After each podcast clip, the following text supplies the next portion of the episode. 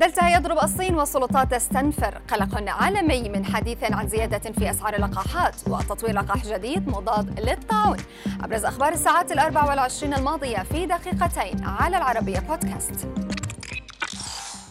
يبدو أن الفيروس الذي جاب العالم عاد إلى منشأه بعد أن طور نفسه وأصبح أقوى. ففي الصين فرضت السلطات إغلاقا على ملايين السكان في محاولة لاحتواء أكبر تفشي لكورونا منذ أشهر.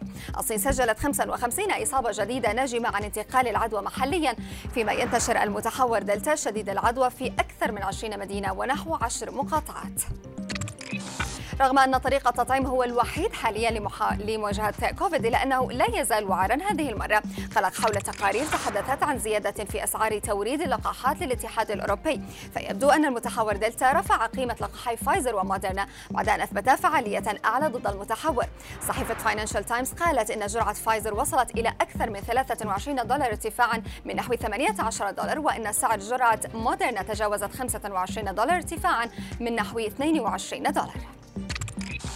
ونبقى في أخبار التطعيم حيث حذر باحثون من أن اللقاح وحده لن يوقف ظهور متحورات جديدة من كورونا بل إنه في الواقع يمكن أن يدفع إلى تطور سلالات أخرى.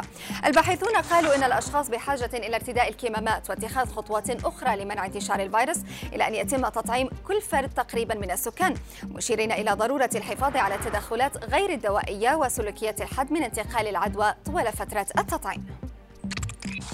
خبر آخر عن اللقاحات لكن هذه المرة ليس ضد كورونا بل ضد الطاعون حيث أطلقت جامعة أكسفورد المرحلة الأولى لاختبار لقاح جديد ضد الطاعون بالاعتماد على التكنولوجيا التي تساعد في مكافحة كورونا.